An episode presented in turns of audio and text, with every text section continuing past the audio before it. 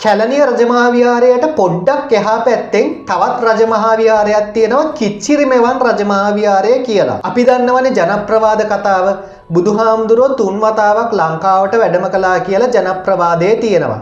තුන්වෙනියට වැඩම කරපු අවස්ථාවේදී උන්වහන්සේ පළවෙනියටම වැඩම කරන්න කැලනියට.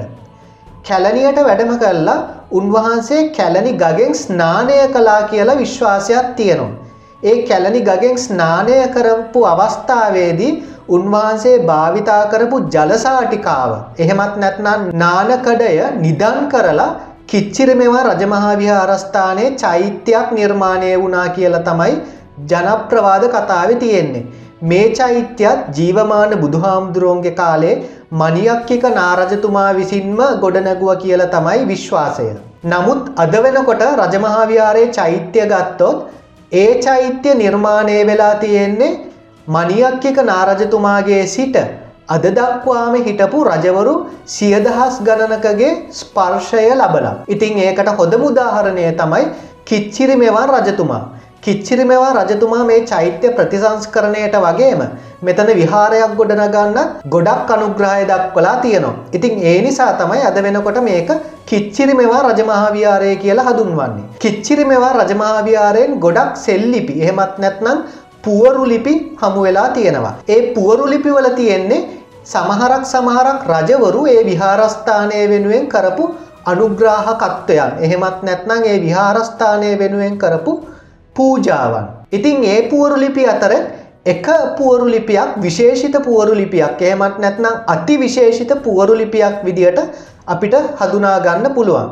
ඒ පුවරු ලිපිය ගම්පොල හතරවෙනි බුවනක බාහු රාජ්‍ය සමයේ ස්ථාපනය කරපු පුවරු ලිපියක් විදියට තමයි ඉතිහාසඥයන් විශ්වාස කරන්නේ. ඉතින් ඒ පුවරු ලිපියේ තියෙනවා පොළොන්න ප්‍රදේශයෙන් විතරක් කුබුරුවක් කර හතලිස් පහක් මේ විහාරස්ථානයට පූජා කලා කියලා. ඒවගේම ඒ ආශ්‍රිත වතුපිටි ගස්කොලන් ඇතුළු විශාල භූමියක් විහාරස්ථානයට පූජා කලා කියලා. ඒවගේම විහාරස්ථානය වෙනුවෙන්ම විහාරස්ථානය රාජකාරි කටයුතු කරන්න සේවක සේවිකාවන් පූජා කරපු බවකුත් සඳහන් වෙනවා. එතකොට මොකක්ද මේ පුවරුලිපියේ තියෙන විශේෂත්වය මේ පුවරුලිපියේ තියෙන විශේෂත්වය තමයි මේ පුවරුලිපියේ එක්තර ආකාරයක ශාපයක් සඳහන් කල්ල තියෙනවා. මේ කුසලයට අවුලක් කළ කෙනෙක් ඇත්නම් එක්සිය සතිස් නරකයේත් සිතින් තැවෙමින් අන් සතුන්ගේ පෞද් ගත්තාහ. ඉතිං ඒ සඳහනට අනුව මහරජවරු උපරජවරු ඇමතිවරු මහා සංගරත්නය මේ විහාරස්ථානයේ සංවර්ධන කටයුතුවලට ඉර හද පවතිනතුරු අකණ්ඩව දායකත්වය ලබා දෙන්න ඕන. බැරි වෙලාවත් මේ විහාරස්ථානය සංවර්ධන කටයුතුවලට බාධා කරන අය ඉන්නවනන් ඒ හැමෝම මැරුණට පස්සේ එකසිය සතිස් නරකයේත්. ඒ කියන්නේ අපි දන්නව අපායලෝක කොටස් හතරයි ඒ කොටස් හතරෙන් එක අපායලෝකයක් විදියට හඳුන්වනවා නරකාදිය. හා නරකාදිය ආයි කොටස් අටකට බෙදනවා ඒ කොටස් සටත් තව තව අපායලෝක ගණනාවකට බෙදෙනවා අපි කියනවා අපායලෝක එකසිය තිස් හයක් කියල විශ්වාස කරනවා බෞද්ධ දර්ශනය තුළින් එතකොට ඒ විහාර කටයුතුවලට බාධා කරන කෙනා මැරුණට පස මේ අපායලෝක එකසිය තිස් හයේම උත්පත්තිය ලබන්න ඕන කියලා. ඒවගේම අනිත් සතුන්ගේ පවුත් ගත්තාහ ඒ කියන්න අනිත් සත්තුන්ගේ අනිත් නිරිසත්වයින්ගේ ඒගොල්ලො ගෙවන පවුත් මේ අපායගාමී වෙච්ච කෙනාගේ පිටිං වැටෙන්න කියලත් තමයි ඒ සදහනේ තියෙන්නේ. ඒවගේම තමයි මේ සෙල්ලිපියේ තවත් රූප සටහන් ඇඳල තියෙනවා. එතකොට එකක් තමයි ඉර අනිත් එක හඳ. එතකොට එතනින් ඉතිහාසඥයන් කියනෝ මේ ඉරහද පවතින තුරු කියන එක තමයි ඉරේ සහ හදේ රූපවලින් සංකේතවත් වෙන්න කියලා.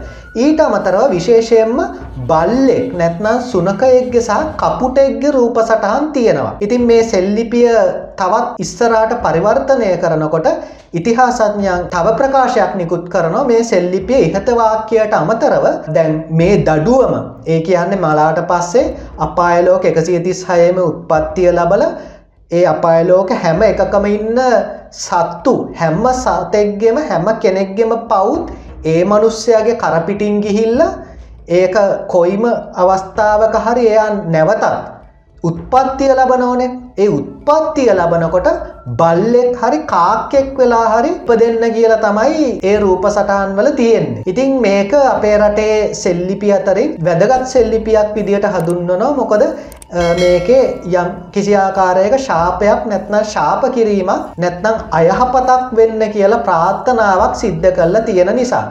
ඕගොල්ලොන්ට පුළුවන් කිච්චිරි මේවා රජමාවිහාරයට ගියොත් ඒ සෙල්ලිපිය බලන්න ඒවගේම විශේෂයෙන්ම අපේ නැසී ගිය ආදරණීය මහාචාරය මැන්දිස් රෝහණදීර මහත්මය රචනා කල්ල තියෙනව පොතක් සාංගික දේපල කියලා. මේ සාංගික දේපල පොතෙත් මේ සෙල්ලිපිය ගැන පිටු කිහිපයකම සටහන් වෙනවා ඡායාරූපත් එක්ක. ඉතිං ආරාධනා කරනවා එව්වත් පරිශීලනය කරන්න කියලා.